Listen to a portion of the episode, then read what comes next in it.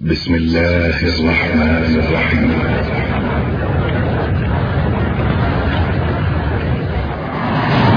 حديث الإفك إن الذين جاءوا بالإفك عصبة منكم لا تحسبوه شرا لكم بل هو خير لكم. لكل امرئ منهم ما اكتسب من الإثم. والذي تولى كبره منهم له عذاب عظيم. هذا عبد الله بن أبي بن سلول. رأس النفاق. زعم إن في علاقة ما بين صفوان وما بين السيدة عائشة. وهذه كلمة فظيعة شديدة شديدة. حديث الإفك هذه الشائعة كانت تنتشر بصورة كبيرة كبيرة. وانتشرت الفتنة. وقد وصلت النبي صلى الله عليه وسلم وسمع بها ولكن عائشة لم تسمع بها. عائشة. فغلبني النوم فنمت بعد أن انصرف الناس فادلج صفوان بن المعطل فعرفني. عائشة. وكان يراني قبل الحجاب فاسترجع. فخمرت وجهي بجلبابي. إيه خمرت وجهي بجلبابي؟ أي غطيت. وقولها كان يراني قبل ضرب الحجاب. الحجاب. يبين لك أنها كانت كاشفة وجهها فعرفها. الحجاب. فهذا أيضا يدل على أن النقاب كان موجودا كان موجودا الغيبة فبينما أم مصطح تمشي إذ عثرت في مرضها فقالت تعس مصطح قالت عائشة أتسبين رجلا؟ شهد بدرا؟ بئس ما قلت. الغيبة. قول عائشة رضي الله عنها بئس ما قلت. دليل على وجوب رد غيبة المسلم. الغيبة. من رد عن عرض أخيه رد الله النار عن وجهه يوم القيامة. كان الحسن البصري إذا قيل له فلان يذكرك بسوء فيقول له سلم على فلان وقل له وقل له إن القبر يضمنا والقيامة تجمعنا وإلى الله مرجعنا. حديث الإفك السلام عليكم ورحمة الله وبركاته. تسجيلات المنار الإسلامية للإنتاج الإسلامي والتوزيع يسرها أن تقدم لكم هذا الإصدار للشيخ أبي إسحاق الحويني. بعنوان حديث الإفك. والله نسأل أن ينفع بهذا الإصدار. كل من سمعه وعمل على نشره. والآن نستمع وإياكم إلى فضيلة الشيخ. ونعوذ بالله تعالى من شرور أنفسنا وسيئات أعمالنا. من يهد الله تعالى فلا مضل له ومن يضلل فلا هادي له. وأشهد أن لا إله إلا الله وحده لا شريك له. وأشهد أن محمدا عبده ورسوله. يا أيها الذين آمنوا اتقوا الله حق تقاته ولا تموتن إلا وأنتم مسلمون. يا أيها الناس اتقوا ربكم الذي خلقكم من نفس واحدة وخلق منها زوجها وبث منهما رجالا كثيرا ونساء. واتقوا الله الذي تساءلون به والأرحام. إن الله كان عليكم رقيبا. يا أيها الذين آمنوا اتقوا الله وقولوا قولا سديدا. يصلح لكم أعمالكم ويغفر لكم ذنوبكم. ومن يطع الله ورسوله فقد فاز فوزا عظيما.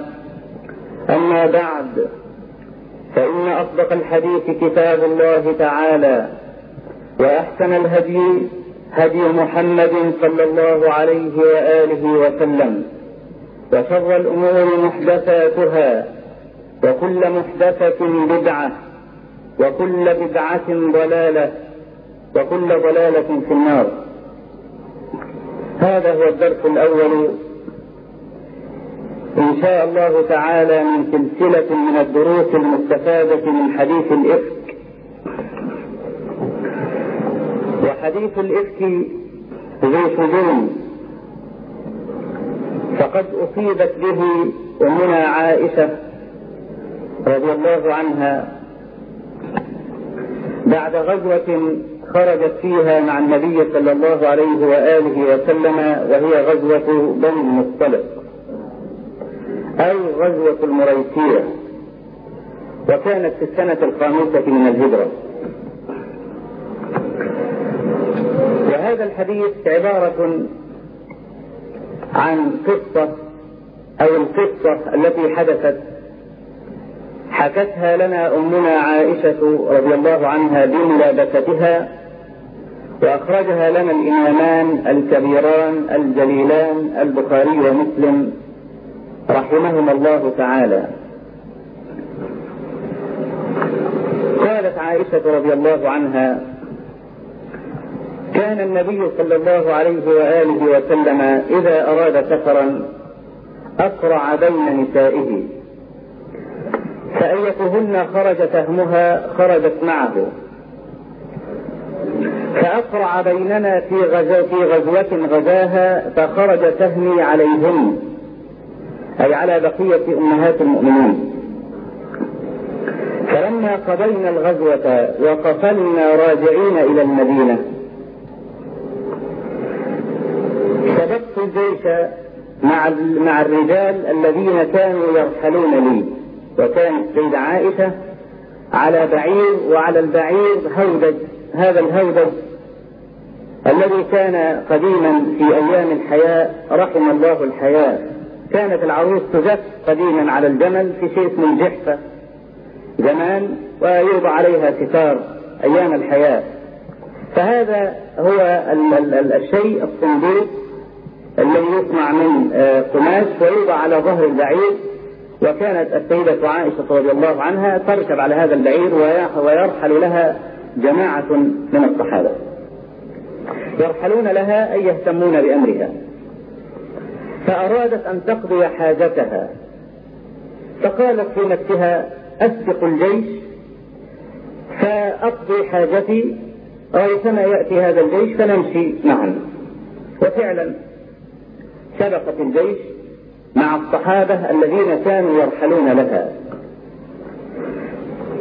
أنيخ البعير ونزلت وتباعدت في الصحراء لأنها تريد أن تقضي حاجتها. فلما قضت حاجتها وهي راجعة تحسست صدرها صدرها فإذا عقد لها قد انفرض. من جذع أظفار فرجعت تبحث عن العقد. فجاء الذين يرحلون لها فاحتملوا الهودة ووضعوه على البعير واستنفروه ومضوا على أساس أن السيدة عائشة موجودة بداخل هذا الصندوق بداخل الهودة قالت عائشة رضي الله عنها ولم ينكروا خفة الهودة يعني هم جميعا يحملون الهودج لم يقع في روع أحدهم أنه ليس هناك أحد بداخل الهودج لماذا؟ قالت لأن النساء كن إذ ذاك أي في أيامهن يأكلن العلقة من الطعام. يأكلون ما تيسر من الطعام الذي يقيم الإنسان.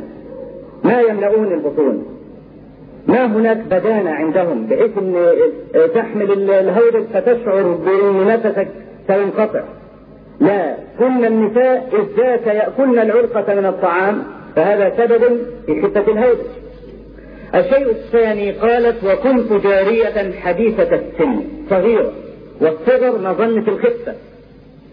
وهم جميعا مجموعة من الرجال. لو أن رجلا واحدا حمل الهودج لعله يستشعر لكن جميعا حملوا الهودج فما شعر أحد أن الهودج خالي من السيدة عائشة. وفعلا استنفروا البعير ومضوا مع الجيش وهي بعدما زوجعت وبحثت عن عقدها وجاءت به قالت فأمنت ديارهم فلم أجد بها داع ولا مجيب. وهي جارية حديثة السن. ومعلوم من مسألة الخوف عند النساء. هذه بقيت وحدها في الصحراء. قالت فقعدت مكاني وعلمت أنهم لو افتقدوني فيرجعون إلي. وهذا كان من حسن تدبير الله لها أنها لا تمشي في طرق الصحراء تبحث عنهم وإلا تضل. لأن الصحراء تحتاج إلى رجل خريج ماهر بطرق الصحراء وإلا يموت. من خمس سنوات نشرت الجرائد أن رجلا مصريا يعمل في السعودية. وجاء هنا إلى مصر في أجازة. وذهب في صحراء أسوان عشان يزور واحد من هؤلاء الذين يلزمون تحت القلاب ولم يكن خبيرا بطرق الصحراء المهم تاه منه الطريق. فعثروا على جثثهم جميعا متعفنة بعد خمسة عشر يوما. رجل جل وتاه والسيارة البنزين انتهى نفد منها وازداد أيضا نفد منها ولا أحد يترك هذا الطريق. فماتوا جميعا على معصية. لا تسد الرحال إلا إلى ثلاثة مساجد. فهذا غير خبير بطرق الصحراء وضل ومات. فقعدت مكانها السيدة عائشة رضي الله عنها قالت وأخذني النعاس. فنمت. فما استيقظت إلا على صوت إنسان يسترجع. ما أفاقت من نومها إلا على صوت رجل يقول إنا لله وإنا إليه راجعون. قالت فنظرت فإذا صفوان ابن المعطل السلمي ثم الزكواني. فخمرت وجهي بجلبابي أي أنزلت النقاب على وجهها. فوالله ما كلمني كلمة. وكان يراني قبل فرض الحج. فوضع رج فوضع رجليه على يد البعير فأناقه ثم ركبت وانطلقنا على أثر الجيش فأدركناهم في نحر الظهيرة. يعني شوف من الليل أدركوهم ثاني يوم في نحر الظهيرة أي في عز الحرب. فخاض من الناس من خاض. عن عبد الله بن أبي بن هذا رأس المنافقين زعم إن في علاقة ما بين صفوان وبين السيدة عائشة. والدليل إنه قادم بها بالليل. وتلقى هذا الكلام جماعة من الصحابة منهم حسان بن ثابت ومصطح بن أساسة وحمى بنت جحش وغيرهم. ممن خاض في حديث الإفك. كما قال الله عز وجل إذ تلقونه بألسنتكم. تلقوا هذا الحديث ونقلوه. وما تحققوا من صحته أو كذبه. قالت فرجعت المدينة فمرضت شهرا وأنا لا أدري ما يتكلم الناس فيه. كل العالم يعرفون الخبر ويأتي على صاحب الخبر وينقطع. حتى خرجت يوما مع أم مصطح. وهي ابن ابن ابنة خالة أبي بكر الصديق. يعني تربطها بالسيدة عائشة قرابة. فخرجت مع أم مصطح إلى الصحراء لتقضي حاجتها. ولم يكن في البيوت آنذاك كنب لم تكن دورات المياه اتخذت بداخل البيوت.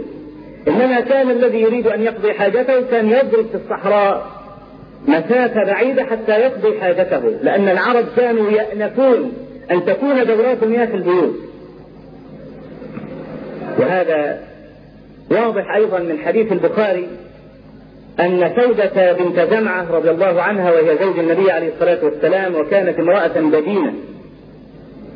خرجت إلى الصحراء ذات يوم لتقضي حاجتها فأبصرها عمر بن الخطاب رضي الله عنه. فقال لها يا سودة انظري كيف تخرجين فوالله ما تخفين علينا. فغضبت سودة. ورجعت إلى النبي صلى الله عليه وسلم تشتكي عمر. وكان في بيت عائشة رضي الله عنها. فدخلت فحكت للنبي عليه الصلاة والسلام ما حدث. قالت عائشة رضي الله عنها راوية الحديث وإنه ليتعرق عرقا في يده. العرق اللي هو الذراع الأمامي للشاة. الشاة الذراع الأمامي الرجل الأمامية للشاة ما فيها شيء إنما فيها عروق. فيتعرق عرقا يعني يأكل اللحم الذي بين العرق والعظم. فنزل عليه الوحي. وكان إذا نزل عليه الوحي صلى الله عليه وسلم يتصبب عرقا في اليوم الشديد البرد. من ثقل ما يوحى إليه إنا سنلقي عليك قولا ثقيلا. من ثقل ما يوحى إليه ثم سري عنه. فقال لها إن الله قد أذن لكن في قضاء حوائجكن. يعني لا جناح عليكن أن تخرجن إلى الصحراء فإن الله قد أذن لكن في قضاء حوائجكن. فالسيدة عائشة تقول أن متبرجنا كان في الخارج ولم تكن العرب تتخذ الكنف في البيوت. قالت فلما رجعنا عثرت أم مصطح في مرضها اتكعبلت في هدومها يعني. فقالت تعس مصطح ابنها يعني. تعس مصطح قالت عائشة فأنكرت عليها. وقلت لها أتسبين رجلا شهد بدرا؟ فقالت أم مصطح لعائشة أيها انتاه يعني يا, ابنتي. أما تعلمين ما يقال؟ قالت وما يقال؟ فسردت لها حديث الإفك وما يتكلم الناس به عنها. قالت فازددت مرضا على مرضي وقالت وكان يريبني أني لا أجد اللطف من رسول الله صلى الله عليه وسلم هذه المرة ما كنت أجده في المرات السابقة. هي رأت أن النبي وصلت إلى تفكير لماذا لا تجد اللطف الذي كانت تجده من الرسول عليه الصلاة والسلام إذا مرضت كل مرة تمرضها قبل ذلك الرسول عليه الصلاة والسلام يحنو عليها ويتلطف بها جدا. أما هذه المرة فمرضت ومع ذلك ما تلطف بها وما رأى وما رأت منه ذاك اللطف إنما كان يدخل عليها وهي مريضة وعندها أمها أم رومان فيلقي السلام. ثم يقول كيف فيكم؟ يعني كيف هذه؟ ما تعودت السيدة عائشة من النبي عليه الصلاة والسلام لا سيما في المرض. هذا الجفاء. فالآن عرفت. لماذا يقول كيف فيكم؟ ولا تجد منه اللطف الذي كانت تجده في مرضها قبل ذلك. قالت فاستأذنت النبي صلى الله عليه وسلم أن آتي أبوي لأستيقن الخبر. فأذن لها فذهبت إلى أمها. وقالت يا أم أصحيح ما يقولون؟ قالت يا بنيتي هوني عليك فوالله ما من ما امرأة وضيئة قط ولها ضرائر إلا أكثرن عليها. فقالت عائشة سبحان الله قد فيه يعني هذا الخبر صحيح يعني يخوضون في حديث الإفك. قالت نعم. قالت فبكيت يومي وليلتي. وطفق النبي صلى الله عليه وسلم يستشير أصحابه في فراق أهله أو إمساكها فسأل أسامة بن زيد فقال له سأله عن عائشة وما يعلمه عنها وهل جربت عليها ريبة قبل ذلك؟ فأشار عليه أسامة بما يراه من براءة أهله. وسأل علي بن أبي طالب فقال له يا رسول الله ما يحزنك النساء غيرها كثير طلقها وإن تسأل الجارية تصدق أي تعطيك الخبر اليقين للجارية اللي هي بريرة مولاة عائشة. وملازمة لها. فأرسل النبي صلى الله عليه وسلم إلى بريرة. قال أي بريرة؟ ما تعلمين من حال مولاتك قالت يا رسول الله لا أعلم إلا خيرا. غير أنها فتاة أو جارية حديثة السن صغيرة. تعجن العجين ثم تتركه فتأتي الداجن فتأكله. تعجن العجين وتتركه فتأتي الفراخ وتأكل العجين. هذا عين السيدة عائشة. لكن ما أعلم عنها إلا خيرا. حينئذ صعد النبي صلى الله عليه وسلم المنبر وقال أيها الناس من يعذرني من رجل بلغني أذاه في أهلي؟ فوالله ما أعلم عن أهلي إلا خيرا. فقام سعد بن معاذ ذاك الذي اهتز له عرش الرحمن يوم مات. وكان زعيم الأوس. قام وقف وقال يا رسول الله إن كان من الأوس ضربت عنقه. وإن كان من إخواننا من الخزرج أمرتني فضربت عنقه. فقام سعد بن عبادة بن عبادة زعيم الخزرج. فقال لسعد بن معاذ والله لا تستطيع ولا تقدر على ذلك. فقام أسيد بن حضير عم سعد بن معاذ فشتم سعد بن عبادة وقال إنك منافق تجادل عن المنافقين. وقام الجميع في المسجد وكاد الحيان من الأوس والخزرج أن يقتتلان في المسجد. فما زال النبي صلى الله عليه وسلم يشير إليهم بيده ويخفضهم حتى سكتوا. وسكت. وكانت أم رومان أم السيدة عائشة وأبو بكر الصديق في هذه المحنة الشديدة يلازمان عائشة رضي الله عنها. فذات يوم دخل النبي عليه الصلاة والسلام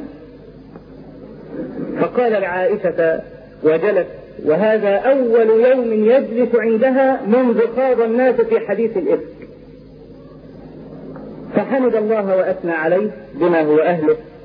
ثم قال يا عائشة إن كنت ألممت بذنب فاستغفر الله فإن العبد إذا فعل الذنب ثم تاب منه تاب الله عليه. وإن كنت بريئة فسيبرئك الله تعالى. قالت عائشة فقلت لأبي أجب رسول الله صلى الله عليه وسلم. فقال والله يا بنيتي ما أدري ما أجيبك. فقالت لأمها أجيب النبي صلى الله عليه وسلم. قالت يا بنيتي والله ما أدري ما أجيبك. قالت فقمت فقعدت. وكنت جارية حديثة السن لا أقرأ كثيرا من القرآن أي لا تحفظ كثيرا من القرآن.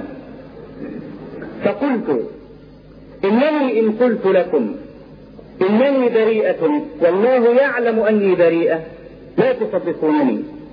وإن قلت لكم إنني فعلت ذلك والله يعلم أني ما فعلته لتصدقنني. فوالله ما أجد لكم مثلا إلا كما قال أبو يوسف يعقوب. فصبر جميل. والله المستعان. قالت والله ما خرج أحد من البيت إلا أنزل الله براءتي في عشر آيات من القرآن. من أول قوله عز وجل إن الذين جاءوا بالإفك عصبة منكم. لا تحسبوه شرا لكم بل هو خير لكم إلى تمام العشر آيات التي سنذكرها بعد إن شاء الله. قالت عائشة رضي الله عنها والله إني لفي نفسي أحقر من أن ينزل الله في قرآنا. إنما كنت أرجو أن يري الله أن يري الله الله أن يري الله رسوله صلى الله عليه وسلم رؤيا يعلم بها براءتي. وإني في نفسي لأحقر من أن ينزل الله في قرآنا. فلما نزل ذلك على النبي صلى الله عليه وسلم قام ضاحكا يستبشر. وكان عليه الصلاة والسلام كما في حديث كعب بن مالك إذا سر استنار وجهه كأنه قطعة قمر. فقال لعائشة أبشري إن الله أنزل براءتك. فقالت أمها قومي إليه فاحمديه. فقالت عائشة والله لا أقوم له ولا أحمده. إنما أحمد الله عز وجل. فأقسم أبو بكر الصديق وكان ينفق على مصطح بن أساة وكان فقيرا يتيما. أقسم أنه لن يعطيه بعد ذلك نفقة. فنزل قول الله عز وجل ولا يأتل أولو الفضل منكم والسعة أن يؤتوا أولي القربى والمساكين والمهاجرين في سبيل الله وليعفوا وليصفحوا. ألا تحبون أن يغفر الله لكم؟ والله الغفور الرحيم. فقال أبو بكر بلى أحب أن يغفر الله لي وأجرى النفقة على مصطح وقال والله لا أمنعه منها أبدا. هذا حديث الإفك. وهو كما علمتم من السياق يتعلق بعرض أم المؤمنين عائشة رضي الله عنها. وكانت محنة شديدة جدا. على المسلمين جميعا لأن هذا يمس زوجة النبي عليه الصلاة والسلام. حتى ورد في بعض الروايات أن هذا المنافق زعم أن صفوان فجر بها أي زنى بها وإنه لم تزني امرأة نبي قط. إطلاقا الزنا عيب كبير لا يمكن أن يلصق به نبي.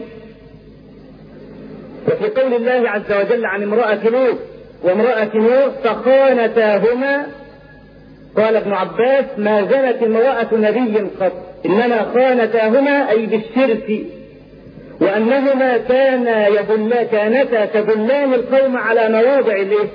نوح ولوط عليهما السلام فالسيدة عائشة رضي الله عنها سردت هذا الحديث وفيه فوائد كثيرة. لذلك قلت هذا الدرس الأول لأنه مسلسل وطول نقف على فوائده ونفرزها ونأخذ العبرة منها.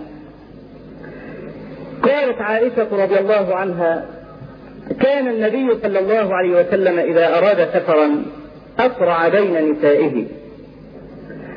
في هذا جواز استخدام القرعة عند الخلاف. وهذا رد على من أنكرها كأبي حنيفة وأصحابه رحمهم الله تعالى. فإنهم قالوا إنها تشبه الأزلام فمنعوها. ولعلهم لم يبلغهم هذا الحديث أو الأحاديث الأخرى التي وردت في السنة النبوية ونشير إليها في هذا البحث. فإن القرعة لا تكون إلا عند التساح والخلاف. ولا تكون في الرضا أبدا لأن التراضي يحسم المسألة. بخلاف بخلاف إذا ما اختلف الناس في شيء فيمكن أن تجرى القرعة بينهم. والدليل على هذا الحكم هذا الحديث. كان النبي صلى الله عليه وسلم إذا أراد سفرا أقرع بين نسائه. فأيتهن خرج سهمها خرجت معه. وهذه القرعة فعلها ثلاثة من الأنبياء. استخدام القرعة في المشكلات استخدمها ثلاثة من الأنبياء. يونس عليه السلام وزكريا عليه السلام ونبينا صلى الله عليه وآله وسلم. أما يونس فقصته معروفة في آخر الصافات وفيه قول الله عز وجل فساهم فكان من المدحضين. القصة أن يونس عليه السلام لما فر وركب البحر أوشكت السفينة على الغرق. فقال الربان قائد السفينة أيها الناس فيكم عاصي. العاصي يخرج لأن السفينة ستغرق. فالعاصي يخرج. كيف يخرج؟ يرموه في الماء. فما خرج أحد. فقالوا إذا نعمل قرعة. فإذا خرج السهم على واحد من الذين في السفينة إذا هذا يحضر نفسه لأننا سنلقيه في البحر. ففعلوا القرعة فوقع السهم على يونس عليه السلام فاستعظموا أن يلقوا بنبي في البحر. قالوا لا نجري القرعة مرة أخرى. فأجروا القرعة مرة أخرى فجاءت على يونس أيضا. فاستعظموا أن يلقوا بالنبي في البحر. فصنعوا القرعة مرة ثالثة فجاءت على يونس فساهم فكان من المدحضين أي المغرقين. فألقوا به في البحر فالتقمه الحوت وهو مليم. وقد وقع عليه اللوم ووقعت عليه القرعة فألقوه في البحر. فهذا هذه القرعة استخدمت في هذا الأمر مع يونس عليه السلام. واستخدمها زكريا عند الخلاف في كفالة مريم عليها السلام. ذلك من أنباء الغيب نوحيه إليك. وما كنت لديهم إذ يلقون أقلامهم أيهم يدخل مريم. وما كنت لديهم إذ يختصمون. اختصم زكريا عليه السلام وقال مريم هذه خالتها تحتي فأنا أولى بها. لأن الخالة كما في الحديث الصحيح الخالة بمنزلة الأم. فيقول الخاء خالتها تحتي فهي كأمها فأنا أولى بكفالتها. وبنو إسرائيل يقولون هذه أم نبينا فنحن أولى بها. فماذا يفعلون؟ هيا بنا نأتي بالأقلام التي نكتب بها التوراة كتاب الله المقدس. ونأتي على الماء الجاري في الجدول ونضع أقلامنا. أيهم يلقون أقلامهم. فأيما قلم وقف ولم ينجرف مع سيل الماء فهذا هو الذي يدخل مريم. فعلا أتوا بالأقلام أقلام التوراة التي كانوا يكتبون بها التوراة وألقوها في الماء الجاري فوقف قلم زكريا وكان نبيا وهذه آية له. وما كنت لديهم إذ يلقون أقلامهم أيهم يدخل مريم؟ وما كنت لديهم إذ يختصمون. فاقترعوا فخرج السهم لزكريا عليه السلام فكفل مريم. فهذا يدل على أن القرعة كانت في شرع من قبلنا من الأنبياء وأنهم كانوا يستخدمونها. وجاء شرعنا فأقرها. وهنا مسألة مهمة. يخلق فيها بعض الناس خلقا تبع هواه. شرع من قبلنا لا يحتج به عندنا إلا إن كان شرعنا موافقا له. لأن العبرة بشرعنا وما شرع لنا نبينا عليه الصلاة والسلام لا بما شرع موسى لليهود على أو شرع عيسى لبني إسرائيل. العبرة بشرعنا نحن. فإن كان في شرع من قبلنا حكم شرعي. وكان في شرعنا شيء يخالف هذا الحكم الشرعي فالعبرة بشرعنا نحن لا بشرع من قبلنا. ولذلك في قصة يونس عليه السلام أنهم ألقوا رجل في البحر لأن السفينة ستغرق العلماء فرضوا هذه الصورة. قالوا إذا كان قوم في سفينة وكانت الحمولة ثقيلة بحيث أننا لو ألقينا بعض الناس يعني السفينة كان فيها ألف رجل فألقينا مئة رجل يبقى تنجو السفينة يبقى يمكن أن نلقي مئة رجل بحيث أن إحنا ننجي التسعمائة. يعني ننجي الكثير بفناء القليل. أن الربان يمكن أن يخفف السفينة لأجل نجاة الأكثرين بإهلاك الأقل. هذا وارد. كما هو واضح في قصة يونس أنهم ألقوه في البحر. في شرعنا لا. إذا لا يقال يمكن أن نلقي بعض الناس أو واحد فقط في البحر لأجل نجاة السفينة. ولا يحتج أحد بقصة يونس. لماذا؟ لأن في شرعنا ما يخالف هذا الفهم. وهو قوله صلى الله عليه وسلم المسلمون تتكافأ دماؤهم. كل الدماء واحدة. ما في أمير ولا مأمور ولا غفير ولا وزير ولا غني ولا فقير. لأن الدماء معصومة بعصمة الإسلام. فلا يجوز لك أن تهدر دم رجل لتحفظ دم رجل آخر. إما أن يموتوا جميعا وإما أن يحيوا جميعا. لا يجوز لك أن تعتدي على دماء الخلق لأجل أن تنقذ دما آخر. المسلمون تتكافأ دماؤهم. قال الإمام الصحاوي رحمه الله لا أعلم بين العلماء خلافا أن هذا الحديث خاص بالديات والقصاص والدماء. إن جاء الأمير فقتل رجلا من سواد الناس قتل به. ما يقال هذا دم أمير وهذا دم فقير.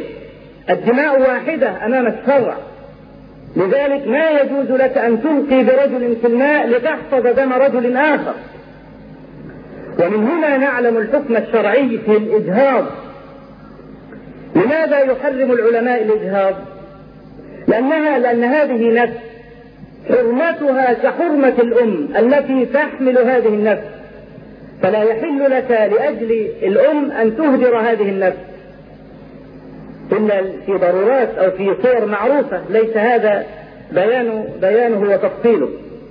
الجنين إذا نفخ فيه الروح صار نفسا. يعصم دمه ولا يهدر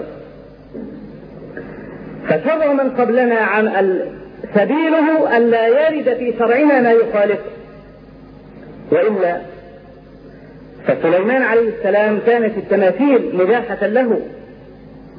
يصنعون له ما يشاء من محاريب وتماثيل وجفان كالجواب وقدور الراسيات تماثيل الجن كانوا يصنعون لسليمان تماثيل.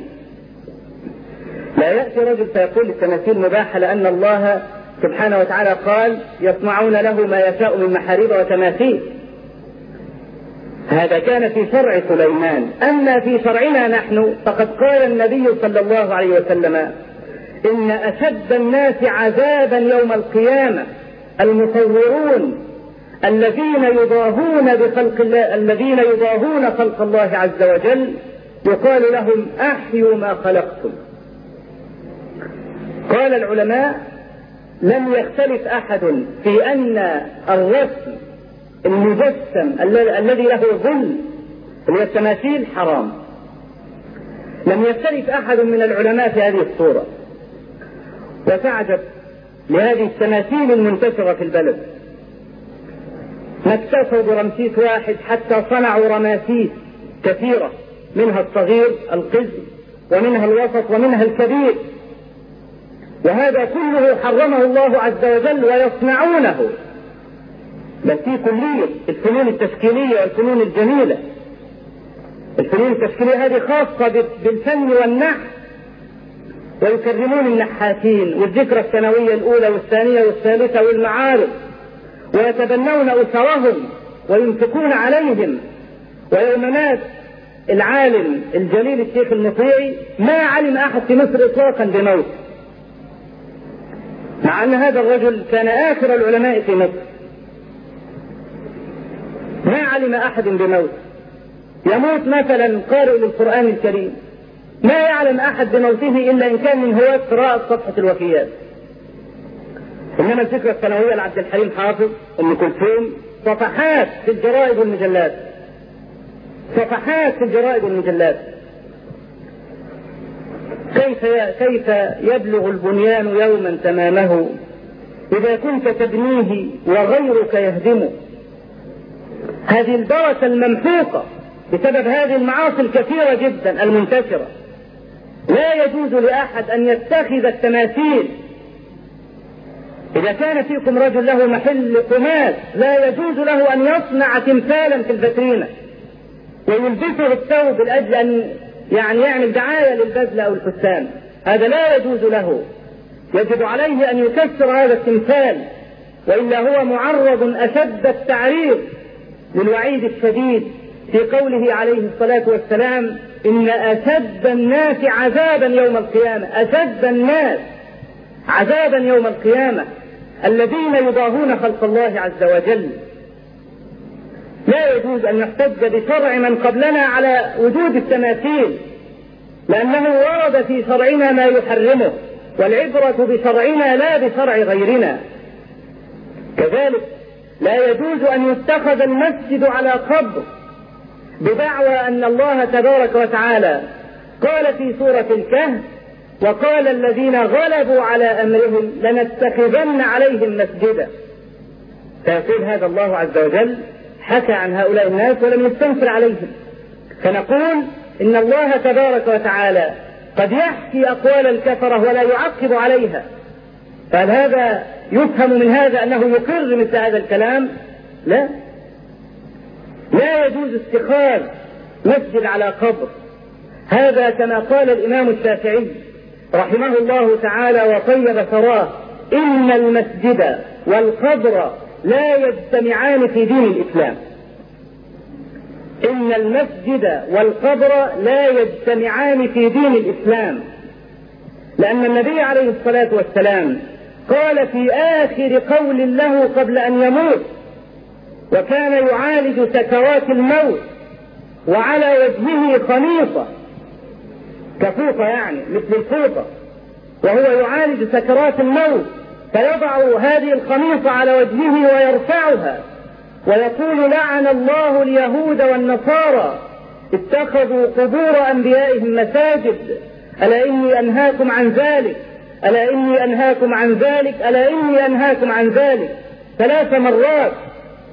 فماذا فعلت الأمة بهذا النهي؟ انتهكته. وبنت المساجد على القبور. وجعلت لها المشاهد وتتبناها الدولة رسميا. ما الذي يصنعه الله في الكون إن اتخذت أربابا صغارا وآلهة صغارا من دونه؟ صححوا توحيدكم. فإن الله تبارك وتعالى يأبى قبول الشرك. أنا أغنى الأغنياء عن الشرك. من أشرك بي شيئا وكلته وشريكه. يقول الشيخ أحمد حسن الباقوري وهذا رجل كان وزير الأوقاف في الخمسينات والستينات. وكان من مآثره رحمه الله أنه كان يحمل على هذه المساجد التي فيها قبور.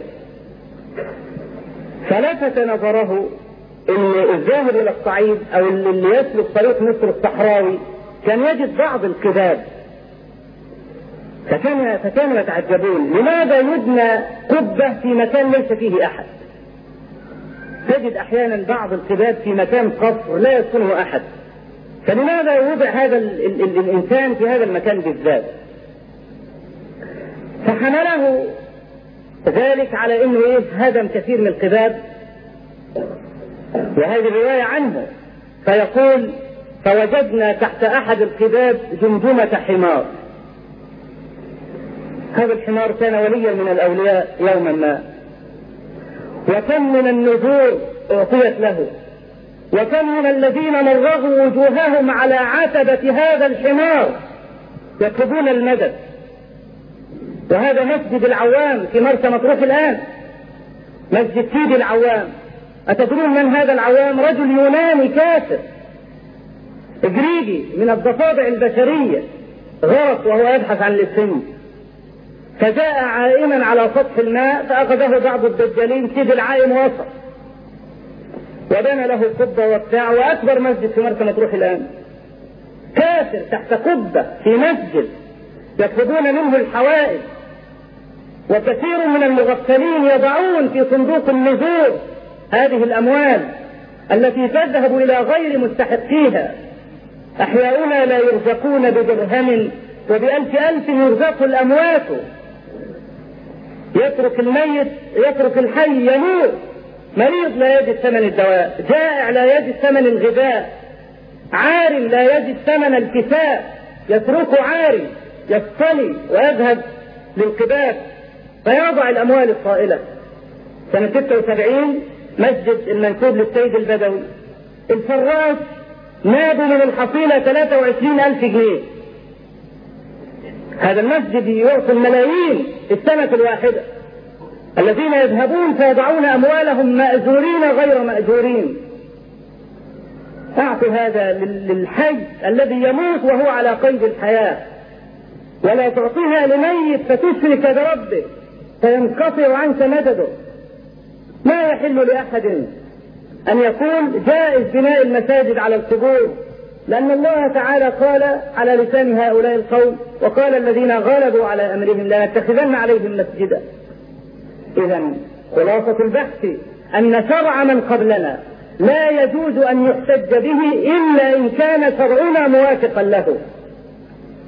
كمسألة القرعة كانت في شرع من قبلنا وجاء النبي صلى الله عليه وسلم فأقرها واقترع فدل ذلك على مشروعيتها في ديننا. أقول قولي هذا وأستغفر الله لي ولكم. الحمد لله رب العالمين.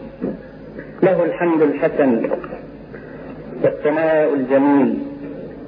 وأشهد أن لا إله إلا الله وحده لا شريك له. يقول الحق وهو يهدي السبيل. وأشهد أن محمدا عبده ورسوله. صلى الله عليه وعلى آله وصحبه وسلم. هذا الحديث كما قلنا فيه مشروعية استخدام القرعة في المشكلات. وفي صحيح البخاري أن النبي عليه الصلاة والسلام قال إذا دخل قال عن الرجلين إذا دخل المسجد فوجد فرجة في الصف الأول. قال فليتهم عليها. ليتهم عليها أي يقترع من الذي يحرز هذه الفرجة في الصف الأول. إخواننا الذين يأتون المسجد خالي فيلتمس أي عمود عشان يركن عليه ظهره. وقد ترك الصف الأول. وله فضيلة جسيمة. إن الله وملائكته يصلون على الصف الأول. إن الله وملائكته يصلون على الصف الأول. وطبعا الصف الأول المقصود به من هجر إلى الصف الأول. لا من دخل الآن فجعل يتخطى الرقاب وقد آذى الله ورسوله بذلك وجاء فقعد زاحم الناس في الصف الأول. لأن المقصود بالصف الأول هو المبادرة وأن تبكر حتى تحرز الصف الأول بغير أن يتعدى أذاك إلى غيرك فقول النبي فقول النبي عليه الصلاة والسلام فليستهم عليه دليل على فضيلة هذا الصف لدرجة أنك لا تفرط في حقك. اتهم على كل نعم القرعة لأنني أريد أشح بالخير.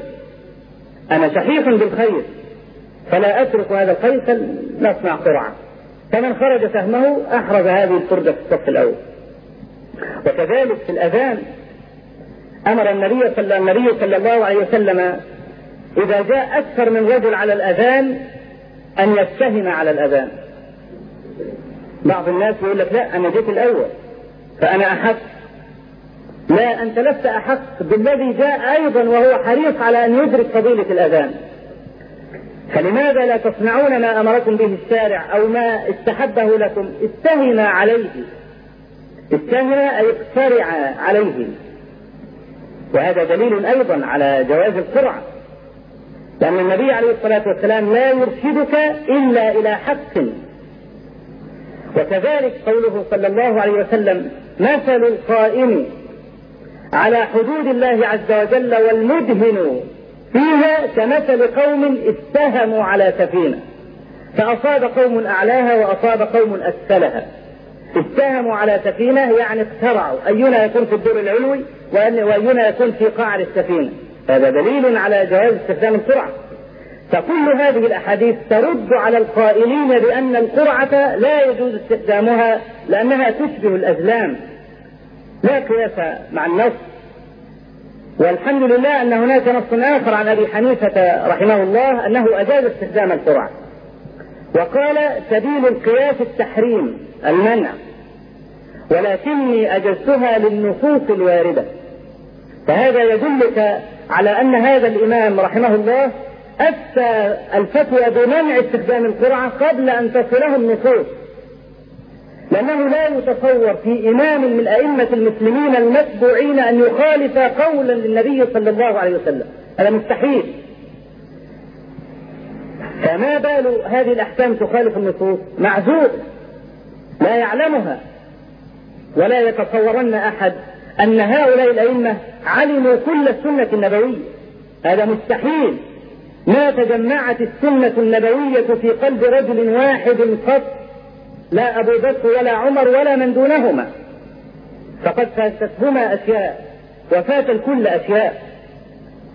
وحسب من ذلك ما رواه البيهقي في سننه أن عبد الله بن وهب الإمام المصري العلم المفرد وكان تلميذ الإمام مالك رضي الله عنه. فسمع